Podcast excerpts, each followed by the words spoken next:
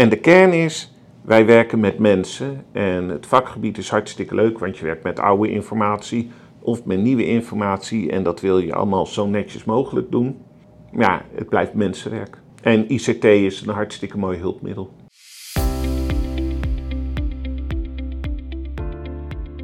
Informatiehuishouding, digitaliseren, vernietigen, KPI's, selectielijsten, e-mailarchivering, records, procesflow, MDTO-schema's, normering, archieven saai en stoffig. Nee hoor, luister maar eens wat wij hier doen. Wij zijn Doc Factory uit Rijswijk, een bedrijf dat overheden en organisaties helpt met informatiebeheer en archivering. Maar we zijn vooral een bedrijf met mensen. Welkom bij Pod Factory, de podcast van Doc Factory.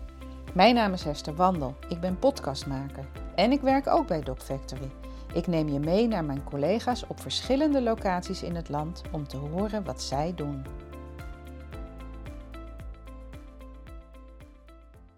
Dit is aflevering 2. Geschiedenis ontstaat vandaag. Vandaag mag ik met de directie praten. Dat klinkt heel eervol, maar de directieleden van Doc Factory zijn net als alle anderen gewoon mijn collega's. Monique, Michiel en Laurens richtten in 2010 met z'n drieën Doc Factory op en hebben in 12,5 jaar een heleboel ervaring opgebouwd en duizenden mensen gesproken. En elke keer gingen ze mee in de veranderingen op het gebied van wet en regelgeving. En er is nogal wat veranderd. Neem alleen al de toename aan digitaal verkeer. Hoe gaat het nou met al die veranderingen? Hoe houd je de actualiteit bij? Dat het bij Doc Factory allemaal heel gemoedelijk gaat, blijkt al uit het feit dat de drie directeuren gewoon samen op één kamer zitten. Geen chique boardrooms of dubbele deuren. De deur staat altijd open, tenzij er een telefoontje moet worden gepleegd of er een overleg is. En ook geen kasten vol met mappen, want ook hier wordt digitaal gewerkt. Nou, ik ga eens even kijken. De deur staat open of Monique er is. Hi Monique! Hey Hester, Mag ik even binnenkomen? Want Ja. het is hier nu rustig. je doet de deur dicht. Ja, Ja. ja, dat doe ik dan even. Ja, Maar, ehm, oh, ik mag even op de directeurstoel gaan zitten. ik wil is- jou eh, graag wat vragen, want eh, de directie spreken vind ik natuurlijk ook wel heel leuk. En eh, de directie, dat zijn twee mannen en een vrouw. En jullie zijn heel verschillend, maar jullie zijn nu al 12,5 jaar een bedrijf. En hoe is dat nou zo gekomen? Laurens Michiel en ik kennen elkaar al sinds begin jaren 90. En ehm, nou, we hebben al met elkaar gewerkt in dit vakgebied. Ja, in 2010 dachten we met z'n drieën, we gaan een bedrijf beginnen. En nou ja, dan ga je natuurlijk nadenken, wat gaan we dan doen? Natuurlijk in dit vakgebied, maar hoe gaan we dat doen? Want we hadden natuurlijk wel al met elkaar gewerkt en we hadden al veel ja, meegemaakt hoe het gaat in organisaties. Dus toen hebben we gedacht van nou, we willen een, bedrijf wat natuurlijk meedoet in de Champions League. Niet eh, een of andere, ja, eh, weet je, wat je, dat je erbij hangt. Maar dat moeten we natuurlijk zelf bouwen. Dus dat gaan we eerst eens even hebben over hoe we dat gaan bouwen. Nou, we hebben ons spaargeld in de pot gedaan, alle drie. En ehm, we hebben afgesproken, we hebben een A4'tje gepakt. Wat willen we nou wel in dat bedrijf en wat willen we nou niet? Nou, we willen heel graag mensen in dienst nemen. Dus niet een soort oproepcontracten, ZZP'ers, omdat we een bepaalde cultuur willen bouwen. Dat is wel En- bijzonder. Ja, want in die tijd, dat klopt, was het zo dat net die hele flexwet en zo er was. Maar wij dachten, wij willen gewoon het op onze manier doen. En dan is dat hartstikke prettig als dat gewoon ja, met mensen gaat die in dienst zijn. En niet iemand die eventjes komt helpen en dan eh, weer weggaat. En eh, nou, goede mensen zijn ook schaars. Toen ook al. Dus ehm, nou ja, eh, mensen in dienst nemen. Mensen verklaarden ons helemaal voor gek. Want die zeiden, joh, je gaat het toch niet doen? En dan zeiden wij ook, ja, het is ons spaargeld. Dus wij mogen het mee doen wat we willen. En jullie doen het nog steeds en dat is in deze tijd ook weer bijzonder. Ja, dat klopt. Maar we hebben dus altijd gewoon ook eh, gedacht willen onafhankelijk zijn. Dus we, we gaan gewoon eigen vermogen het bedrijf bouwen. Ehm, we wilden een bepaalde cultuur. Dus we hadden ook iets van een soort menselijke maat. Het was niet dat wij in 2010 zou- hadden, wisten dat we nu met 60 zouden zijn. Met 60 collega's. Dat wisten we. Ik bedoel, daar waren we ook helemaal niet mee bezig. We zijn gewoon begonnen. Je ziet wel wat wel, komt. ja. Ja. En je, je, we hebben ons ook nooit bezig gehouden met van hele grote vergezichten van we weten gewoon welke formatie we hebben, hoeveel ja, projecten we daarmee kunnen doen. En dat zorgt ervoor dat, laat me zeggen, voor het resultaat bij de Factory. Dus, dus dat waren dingen die we wel hebben meegenomen. En we zijn heel verschillend, maar omdat we zo lang met elkaar werken, is het zo dat we ook respect hebben voor wat we kunnen en wat de ander misschien niet zo goed kan. En daar komen we altijd uit. En uh, nou ja, soms uh, valt er dan wel eens ooit een woord van, uh, hè, van joh, wat zit je nou te doen? Maar goed, altijd, we komen er altijd uit. Ja, ja, mooi. En je zit nog steeds met z'n drieën op één kamer. Er zit niet één iemand boos in een ander hoekje. Nee. nee het gaat nog steeds na twaalf en een half jaar goed. Ja. Nou, vind ik wel bijzonder. Juist omdat jullie heel verschillend zijn. En, ja. Uh, maar wel heel betrokken met alles. Dat klopt. Uh, is dat A4, heb je dat A4'tje eigenlijk nog? Heb je dat ingelijst? Nee, vast niet. Nee, we hebben wel één ding volgens mij ingelijst. Dat was toen ik een brief kreeg, of toen we, toen we post kregen. Dat was nog fysieke post. Waarop stond ter attentie van management ondersteuning uh, Monique. Dus ik uh, omdat we natuurlijk met z'n drieën begonnen, was ik een beetje de ondersteuner en de mannen deden, de, eh, laat me zeggen, de inhoud en dergelijke. En als je als vrouw met twee mannen werkt, ben jij überhaupt voor de buitenwereld degene, de assistenten. Ja. Dus toen hebben we, dat was wel leuk, hebben we tegen de muur geplakt. Toen heb ik jarenlang Momo geheten. Managementondersteuning Monique. Dus dat. Maar dat is nu een tijdje zich, al niet. Ja. Nee, ze konden zich niet voorstellen dat er drie, een driekoppige directie nee. was. En dat een vrouw dan ook net zo belangrijk is de ja. Maar ik deed het natuurlijk altijd de telefoon. En als je telefoon opneemt, ben je überhaupt de ondersteuner. Ja. Dus dan was het heel moeilijk. Maar daar hebben we, maar, hebben we al natuurlijk irritaties, maar ook gewoon heel vaak heel hard om gelachen. Ja.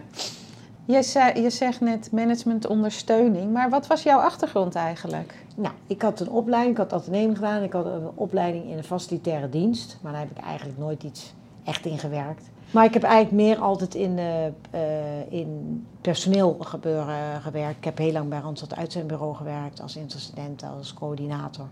En ik ben eigenlijk al ja, heel vroeg een bedrijf begonnen in dit vakgebied, omdat ik dacht dat is zinvol, dat is nuttig. Nou, en daarvan ken ik natuurlijk ook Laurens en Michiel. Dus ja, ik heb eigenlijk, laat ik maar zeggen, ik ben de enige niet die niet uh, geschiedenis heeft gestudeerd. Nou, met nog een paar enkelingen. Ja, ja, ja, dat zijn er veel inderdaad. Ja, En, en hoe hebben jullie dan de taken verdeeld? Ja, uh, in het begin natuurlijk deden we met z'n drieën uh, aan dat tafeltje wat je daar ziet. een klein glazen tafel, nog, klein, nog dichter op elkaar. Ja, ja. Oh, dat is gewoon mee verhuisd? Ja, is mee verhuisd. Deden we gewoon, ja, alles, iedereen deed wat. We waren natuurlijk in het begin alle drie heel actief bezig in de markt. Je moet ook werven natuurlijk. Werven en, ja. laten we zeggen, gewoon uh, relaties bezoeken en dergelijke. Uh, offertes, uh, ja, klantbezoeken deden we eigenlijk het meeste. En toen kwam natuurlijk het moment dat we, dat we collega's zochten. En dan deed ik die eerste gesprekken en dan nog een tweede gesprek bij Laurens of Michiel. En um, ja, zo bouwden we langzaamaan aan Dog Factory. Ja, ja eigenlijk is, is het nog steeds zo dat we elkaar ook aanvullen omdat we elkaar, ja, omdat we heel goed weten van wie, wie is waar sterk in. Nou, en dan gaat de ander helpen. Zo is het heel eenvoudig. En in het begin was het natuurlijk ook zo. Er was nooit uh, iets over van iets is niet gedaan. Want je wist gewoon, jij bent met z'n drieën, dus het moet gewoon gebeuren. Kijk nu met, eh, met, met hoe we deze omvang. Dan is het natuurlijk best wel eens van, hé, hey, is iets niet gedaan. Ho, hoe kan dat nou? Waar is dat blijven liggen? Nou, als je met z'n drieën bent, kan er nooit iets blijven liggen. Want je kijkt gewoon elkaar aan en je denkt, oh, Eén van jullie moet het gedaan ja, precies. hebben. Dus dat was heel overzichtelijk. Ja, ja want nu zijn er 60 man in dienst. Ja. Ja. En dat is ook nog steeds de menselijke maat. Ja, voor wat betreft hoe wij het ervaren wel. Omdat je van een heleboel collega's gewoon, ja, weet je of ze, laat me zeggen, zijn getrouwd, of ze uh, mantelzorg hebben, of ze, weet je. Ja, en daar ben jij helemaal uniek in. Jij weet alles. Nou! En je stuurt uh, appjes. En, uh, nee, de, die menselijke maat is er zeker. Iedereen is heel betrokken. Ja, dat is ook iets wat je natuurlijk niet kan leren of zo. Hè? Dus dat moet je ook een beetje ja, leuk vinden, prettig vinden. Interesse, oprechte interesse in mensen. Nou, dan, uh, dan gaat het vanzelf. Ja. hoef je geen moeite voor te doen. En zijn jullie ook in Rijswijk gestart eigenlijk? Ja, we zijn hier gewoon gestart in dit pand. Ja. Oh, in dit pand Want, ja, want er was ook zo van, nou, ik deed natuurlijk een beetje ondersteun. Dus ik zei van, nou, dan ging ik kijken van waar is eh, ruimte voor ons. Nou, dan zeiden we ook, we willen professioneel, we willen niet ergens achteraf. Maar we mochten natuurlijk ook geen geld kosten. Nee. Dus eh, dan ben ik ook naar anti-kraakpanden geweest. Nou, dan kwam ik daar binnen en dan dacht ik, ja, hier wil je niemand ontvangen. hier wil je liever ook zelf niet zitten, maar als het moet, nou ja, dan doe het. Maar eigenlijk is het zo, het kost niks, maar je hebt ook niks. Dus, nou, dan zei ik vaak tegen Laurens of Michiel, ik ben gaan kijken, maar eh, ja, willen jullie eh, nog even kijken? Nou, eh, zeiden ze, als jij het niks vindt, dan geloven wij het direct, weet je, want ja. Dus, maar het is fijn, hier was gewoon echt een receptie als je binnenkwam. En je bent ook gewoon... Kijk, wat ook een, een, een valkuil is als, als je een bedrijf start, is dat je alles zelf wil doen. Als je een bedrijf begint, moet je focus hebben. En dat is gewoon op gewoon de business. Zorgen dat er klanten komen, projecten komen, dat er collega's zijn. Dat is wat je moet doen. Maar we hadden een heel klein kamertje en dat tafeltje en drie kleine bureautjes. Nou, dat was het. Nou, leuk, dankjewel. En eh, ik ga weer aan de slag. Dat is goed. Succes boven. Ja, dankjewel. Oh, de deur is dicht, maar Laurens is alleen. Ik ga eens even vragen. De deur is dicht. Eigenlijk mag ik dan niet binnenkomen. Maar mag ik jou wat vragen? Ja, tuurlijk. Leuk. Weet, normaal staat de deur altijd open, dus dat is heel toevallig dat hij nu even Ja, dicht zit. en je zit ook alleen. Hi collega. Ja, dus dan kunnen we even rustig praten. Ga ik weer op de stoel van Michiel zitten? Ik, eh, het bevalt me wel. nou, wat niet is kan nog komen, hè? Ja, je weet me nooit. Je kan hier een boel met dit bedrijf. Dat is waar, je maakt het zelf hier. Ja. Monique die vertelde wat haar achtergrond was. En eh, dat vraag ik eigenlijk aan iedereen. Maar wat is jouw achtergrond eigenlijk? Ik, eh, eh, waar wil je beginnen? Oh. Wil je bij de lagere school beginnen of gaan we wat later in tijd aan de slag? Nou, een beetje wat in dit vakgebied zit. Of juist Wat in helemaal dit niet. vakgebied? Nou, ik ben, ik, ja, het schud ik er tegenaan, maar ik ben van oorsprong historicus. Ik heb geschiedenis in Leiden gestudeerd. om nog helemaal in nog wat concreter zijn, sociaal-economische geschiedenis. Ja, als, als Leidenaar heb je altijd wel een idee van welke kant wil ik op. En eh, ik wilde graag iets voor buitenlandse zaken gaan doen, laat het zo maar stellen. En eh, ja, als je niet beschikt over allerlei kruiwagens of veel connecties op dat gebied, dan moet je wat anders gaan verzinnen. Dus ik ben naar een uitzendbureau toegestapt.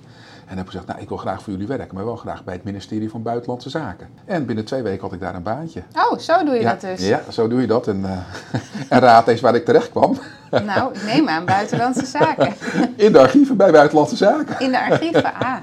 Want je had niet een bijvak eh, archivistiek gedaan. eh. Nee, ik heb geen bijvak eh, archivistiek gedaan. Eh, toen bestond er nog, ik weet niet eens of dat nu nog eh, aan de universiteit wordt gedoseerd, maar het vak heuristiek en hoe moet je dingen opzoeken en waar vind je dingen. Mijn kennismaking met archieven was eh, eh, tijdens mijn doctoraalscriptieonderzoek, wat ik daarvoor bij het Nationaal Archief deed. Maar ja, verder had ik niet zoveel affiniteit met archieven of informatiebeheer of informatievoorziening of ICT, om Nee. het zo maar te noemen. Ja. En kijk eens hoe het nu is.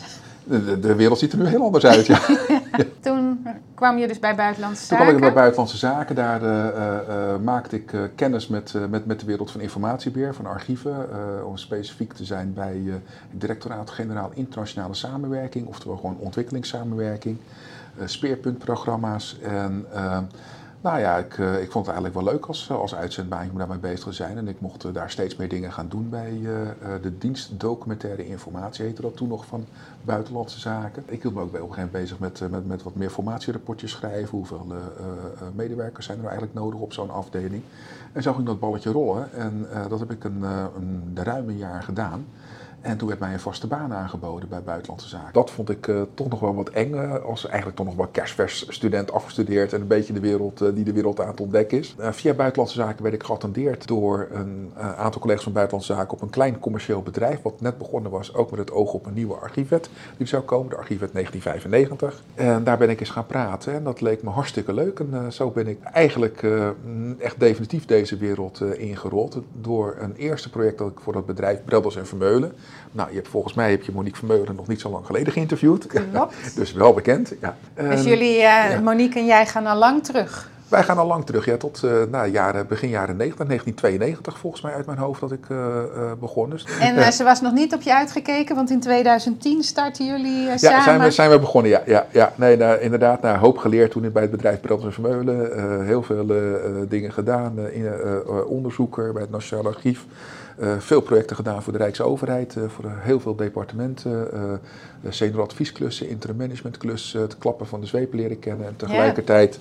En een netwerk ja, opbouwen. En een netwerk opbouwen, absoluut. Ja, ja. En tegelijkertijd ook nog in een managementrol bij dat bedrijf bij Elsen Vermeulen gerold ja, dat heeft zich verder uitgebouwd. En op een gegeven moment uh, zit je meer in het management dan in de projecten. En in, uh, uiteindelijk uitmondend in 2010 in, uh, in dit bedrijf Doc Factory. Ja. En wat is jouw rol binnen het directieteam?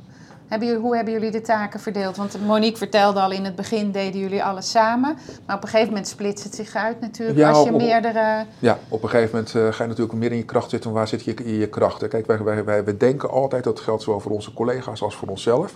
Zet iedereen in zijn kracht en zorg dat hij allemaal beter wordt in zijn kracht. In plaats van uh, ga proberen te verbeteren wat er nog te verbeteren valt. Daar hebben we collega's voor. We dekken elkaar allemaal af in dat, uh, in dat kader. En als ik kijk naar mezelf, ik hou me met name bezig met de hele HR-kant eh, eh, van uh, Doc Factory. Samen met Bianca van den Noord, onze HR-manager. Ik ben de contactpersoon voor de ondernemingsraad in dat kader. En kijk met name ook, of tenminste bij mijn thema's, hoort ook de hele advieskant van, van, van Doc Factory. Oh, dus de adviseurs vallen logistiek, zeg maar? Lo lo logistiek zijn, dat, zijn, zijn dat collega's die logistiek thematisch met een aantal collega's in, dat, in, in, mijn domeintje vallen. Een ja. domeintje vallen, ja. ja. ja.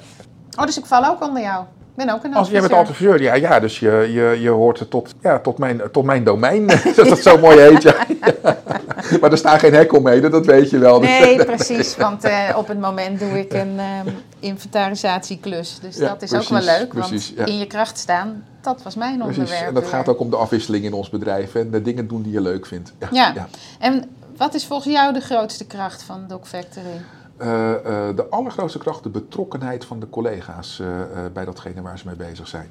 Maar die doen dat niet vanuit zichzelf. Dat komt ook doordat directie. Nee, dat doen de collega's wel vanuit zichzelf. Uh, er moet altijd sprake zijn van, uh, van een zogenaamde intrinsieke motivatie. Wij kunnen alleen maar kaders creëren waarin mensen kunnen excelleren. Maar dat excelleren daarbinnen, dat doet iedereen, dat doet iedereen zelf. En dat noem ik die betrokkenheid. Hè. Bij het vakgebied, bij het bedrijf, bij de collega's. Ja, dat zie je in heel veel geledingen van, van Doc Factory terug. En ik, en ik ben ervan overtuigd dat zich dat ook uit bij de klanten waar we allemaal voor werken. Die dat ook ook, ook zien en die betrokkenheid ook, ook terugkrijgen van onze collega's. Want uiteindelijk zijn zij ons visitekaartje, die, uh, de collega's die overal bezig zijn. En hoe krijg je dat terug van de klanten? Zoals ik, eh, zoals ik zeg, eh, de, de gemotiveerdheid, de betrokkenheid, de kwaliteit die medewerkers neerzetten, de open communicatie die, die onze collega's ook richting de klant hanteren. Uh, ja, kijk op onze website. Daar uh, zijn de, uh, de referenties, de positieve referenties, niet, bijna niet meer te tellen, zullen we maar zeggen. en nou ja, elke, elke maand komen daar weer referenties, referenties bij. Ja, en ik denk de, de, de, het oordeel van de klanten is uiteindelijk datgene wat bepaalt hoe je in de, in de markt staat, hoe je opereert en hoe je functioneert. Ja, precies. En sommige klanten heb je waarschijnlijk ook al meerdere jaren. Er zijn klanten waar we met een kleine klus uh, tien jaar of twaalf jaar geleden zijn begonnen, waar we nog steeds uh, allerlei opdrachten voor doen. Ja. Nou, dat klinkt heel goed. De klant is koning, maar we hebben hier nog een andere koning, Michiel de Koning. En uh, als die weer op kantoor is, zal ik eens vragen wat zijn uh, achtergrond is. Ik vind, ik vind wel een leuke wat jij zegt, de klant is koning. De klant is zeker koning, want uh, we, zijn, we, zijn er ten behoeve van de klanten. En dan denk ik, kijk, kijk naar ons mission statement en zo. We willen van alles voor klanten betekenen. We willen een goede partner zijn voor klanten. Maar bij dat goede partner zijn, ik heb ooit, ik weet de schrijver weet ik niet meer, maar ik heb ooit nog eens een keer een, een hele studie quality management aan de Hogeschool van, van Rotterdam gedaan. En daar hadden we een boek de klant is koning, maar wie maakt de dienst uit? En dat zeg ik omdat ook heel veel van onze klanten zomaar ineens dit vakgebied in hun schoenen geschoven krijgen en daar wat, wat mee moeten doen. bij ons aan de bel trekken van, van, van help ons. En uh, ja, vanuit uh, zeg maar de betrokkenheid en het integer handelen van ons bedrijf uh, kan het wel zo zijn dat de klant soms dingen, dingen vraagt die niet in zijn, zijn of haar belang zijn. En dan gaat het over wie maakt de dienst uit en hoe nemen die klant dan ook daadwerkelijk aan de hand om uh, dat inzicht te geven. Uh, van je kan beter voor deze benadering of deze route kiezen, wil je daadwerkelijk effectief zijn. En uh, nou ja, ook dat doe je vanuit betrokkenheid. Betrokkenheid bij je klant. Ja, ja en je jarenlange ervaring. En jarenlange ervaring, absoluut. absoluut. En, en, en niet dus alleen van ons, maar van de, de, de, ervaring die gewoon in dit bedrijf Doc Factory zit. Ja, ja al die want... mensen met een enorme staat van dienst. Ja, ja. ja, want sommigen zitten al heel lang in het vak en sommigen niet, maar die nemen vanuit een andere kant weer heel veel expertise mee. Ja, klopt. We doen het ook met z'n allen. Ja. Op het moment dat je ergens op een opdracht bevindt, heb je nog eh, eh, eh, 59 andere collega's achter je staan. Ja. Ik ga die ene koning eh, nog eens opzoeken. Michiel de Koning. Want eh, dat is de derde directielid wat ik nog ga interviewen. Ja. Dus eh, Succes dankjewel. met Michiel! Eindelijk ga ik Michiel spreken. Even kloppen natuurlijk. Entree. Hey, Michiel, nu zit jij op je eigen Hey plek. Hester, ga zitten. Ja, nou fijn om jou ook te spreken. En ehm, wat is jouw achtergrond eigenlijk? Ik, eh, ik heb geschiedenis gestudeerd. Dat hebben er meer gedaan. En wat voor geschiedenis? Toen ik ging studeren wilde ik Engels studeren. Nou, dat was geen succes, was ook niet leuk. En ik dacht, ik ga eh, koloniale geschiedenis doen. Want dat vond ik heel spannend. Zou nu heel actueel zijn. En er is ook niks van terechtgekomen. Ik heb nog wel iets gedaan eh, over koloniale geschiedenis. Toen heb ik alleen een scriptie geschreven over, eh, over de, de invloed van tropische ziekten op het moderne imperialisme. Ik was eigenlijk, het klinkt heel raar, maar ik was een beetje klaar met het allemaal maar schrijvers moeten vergelijken en archiefonderzoek doen. Dus ik ben eh, klassieke oudheid gaan doen. Lekker weinig eh, teksten. Alleen Lekker in wat steen gehakt. instructies. En wat is steengehakt. Dus ik heb ook archeologie als bijvak eh, gedaan. Dat vond ik veel leuker. Heb je ook letterlijk gegraven? Ja, maar niet veel. Ik heb het wel eens gedaan. Hm. Nee, vooral eh, analyse. En vooral een beetje denken van... wat doet, wat doet een, een Romein in zijn tijd? Liggen ze nou allemaal aan bij een banket? No way. Zit Geen ook baggers. gewoon op een stoeltje aan een tafeltje hoor, net zoals wij. Dus, eh. En terwijl ik studeerde, want ik deed meestal eh, s s'avonds eh doctoraal werkcolleges en zo, werkte ik overdag bij een benzinemaatschappij. Dus ik kom van origine uit de benzine. Dat was Aral Nederland. Die bestaan niet meer, die werden overgenomen. Dus toen hield het op. Toen ben ik nog wel bij een andere benzinemaatschappij aan het werk gegaan als eh, hoofdsecretariaat. Maar ja, ik wilde toch meer doen met geschiedenis. En toen zag ik een advertentie in begin 1993 van Breddels en Vermeulen. Aha, ook. En zo ben ik bij Monique terechtgekomen Ja. in maart 1993. Ah, dus jullie gaan ook al ver terug met z'n drieën. Ja, Want toen werkte Laurens er ook al. ja, en die kende ik van de studie. Want Laurens heb ik leren kennen op de, op de eerste dag dat ik ging eh, studeren. Op de, in de El Ah, in ja. 1985. Wat dus, grappig dat eh, jullie dan samen aan het eh, bedrijf zijn begonnen. Ja, we zitten nog altijd aan elkaar vast. Nu dus 12,5 jaar. Ja. En wat ging jij bij Breddels en Vermeulen doen? Ik werd eh, informatiespecialist, dus ik ben begonnen met een project waar ehm, in een of andere grote loods in Rotterdam-Noord dossiers bij elkaar gezocht moesten worden die betrekking hadden op premie A-woningen. Die had het ministerie extern gezet en er was allemaal eh, gedoe mee. Dus die moesten weer terug naar het eh, ministerie. Dus dat was eh, dossiers lichten en versturen naar het ministerie. Dus zo kwam jij was wel in ministerie het, van Vrom.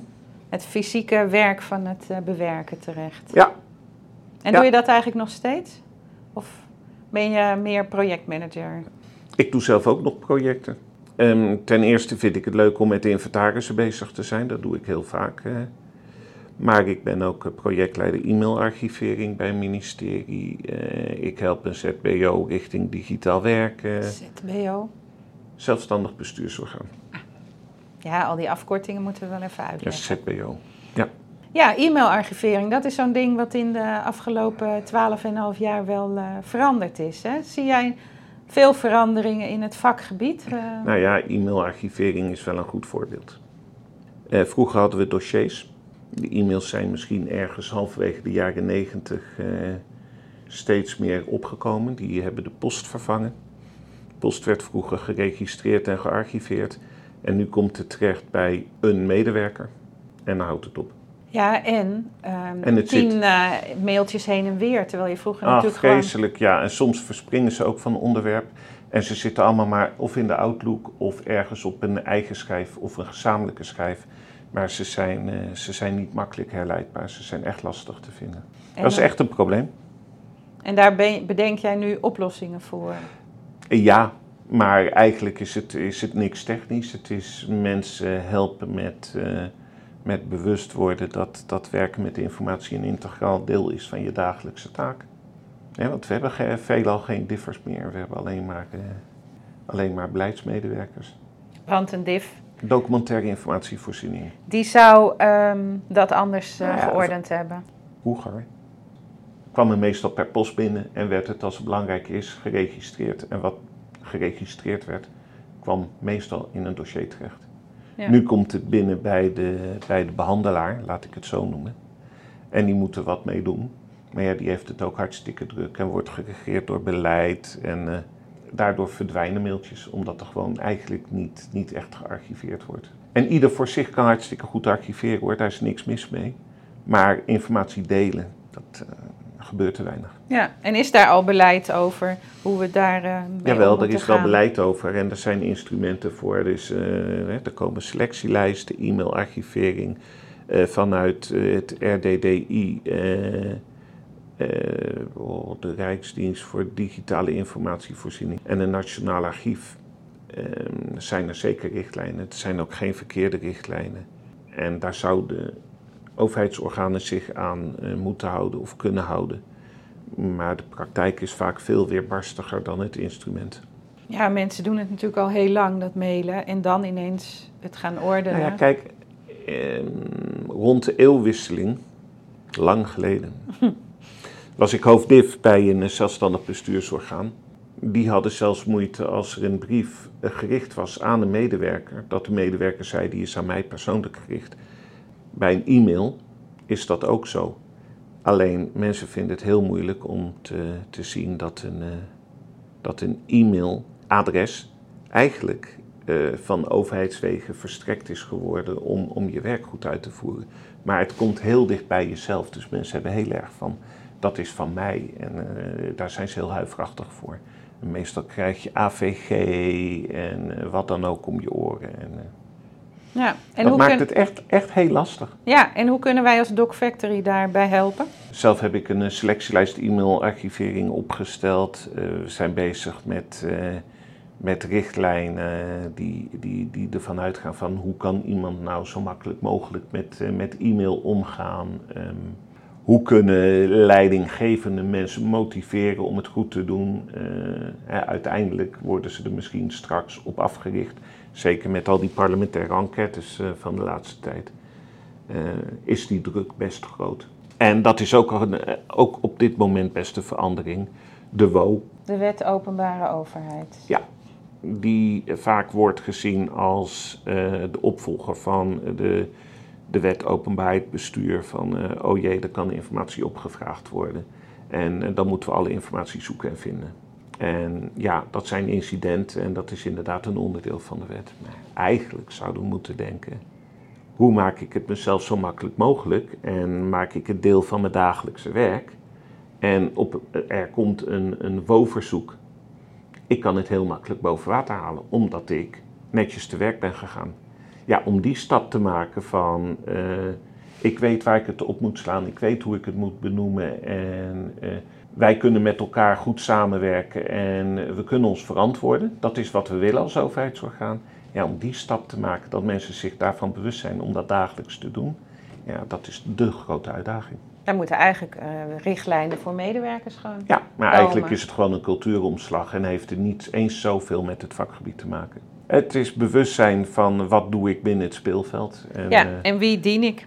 Nou ja, ja, wie dien ik, maar uh, vooral uh, hoe, hoe kan ik uh, goed samenwerken dat, uh, dat het doordraait. En, en dan wordt het een stukje enger. Hoe kan ik me verantwoorden? Maar ja, dat wil je gemiddeld gezien niet. Je moet te verantwoorden. Nee, zeker niet als ambtenaar in een heel groot speelveld. Nee, en je wilt natuurlijk je naam niet genoemd zien worden. En je ziet ook dat als er een WO-verzoek is of een parlementaire enquête Um, al is er een stuk dat op basis van uh, onderzoeksjournalistiek boven water komt. Het gaat niet meer om uh, waar is het niet goed gegaan, hoe hadden we het anders kunnen doen. Het gaat recht om van uh, je moet hangen. Eh, wie is de schuldige? Ja, ja. En dat maakt het heel eng voor mensen die op een, op een ministerie werken en terecht. Ja. Want dat willen we niet. Nee, want je voert beleid uit van het Rijk en je wil niet persoonlijk erop aangekeken worden. Nee. Weet je Dus- nog een belangrijke verandering waarvan, waar je, die je de afgelopen 12,5 jaar hebt meegemaakt? Wat het werk. Nou ja, eh, als je kijkt naar eh, rond de eeuwwisseling, dat, eh, dat het opstellen van selectielijsten in zwang kwam.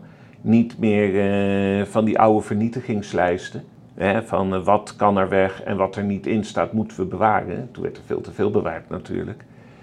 Dat er nu staat van deze informatie hoort bij dat proces en moet op basis van, eh, van het proces ook eh, bewaard of vernietigd worden. Dat was natuurlijk een enorme cultuuromslag. En eh, überhaupt het digitaliseren. En dadelijk krijgen we de uitdaging, en dat speelt al, hoe gaan wij om met, met appberichten? Oh ja, ja. Want een appbericht wordt niet gegenereerd in de veilige omgeving van een ministerie, maar wordt ergens gegenereerd bij WhatsApp. Dus je kunt wel eh, appberichten archiveren, copy-paste, maar het originele bericht weghalen is een uitdagingje. Nou, en bovendien zullen mensen ook eh, hun eigen mobiele telefoon voor werk gebruiken. Ook. En mm, dan, dan de, de vraag, ben je ambtenaar 24/7? Ja, ergens wel en nee, ergens niet. Dus ja, je moet ook nog eens uitkijken met je persoonlijke mening. Ja, want als arts moet je wel altijd, als er ergens iets is, eh, dat is de wet van de, eh, Ja. die Hippocrates, Ja. moet je wel altijd bijspringen. Maar eh, nou, interessant. Ja, dus genoeg te doen. Ja. Genoeg te doen. En de kern is, wij werken met mensen. En het vakgebied is hartstikke leuk, want je werkt met oude informatie of met nieuwe informatie. En dat wil je allemaal zo netjes mogelijk doen. Ja, het blijft mensenwerk. En ICT is een hartstikke mooi hulpmiddel. Zo en dan moet moeten we ze optimaal mogelijk gebruiken. Maar digitalisering of vanuit de ICT is aan zich geen doel voor mij. Nee, het gaat erom wie heeft het gebruikt en waar is Ja, het in en, eh, en hoe maken we samen afspraken dat we het gewoon goed terugvindbaar houden en raadpleegbaar houden. Dat Nou, is het mooi. allerbelangrijkste. Dus de komende 12,5 jaar eh, kunnen we nog flink voort. We hebben nog voor 40 jaar papier staan, joh. Oh, nou, Papier en, en, en digitaal wordt een misschien nog wel grotere uitdaging, maar dat zien we dan wel weer. nou, dan ga ik ook weer aan de slag. Dankjewel.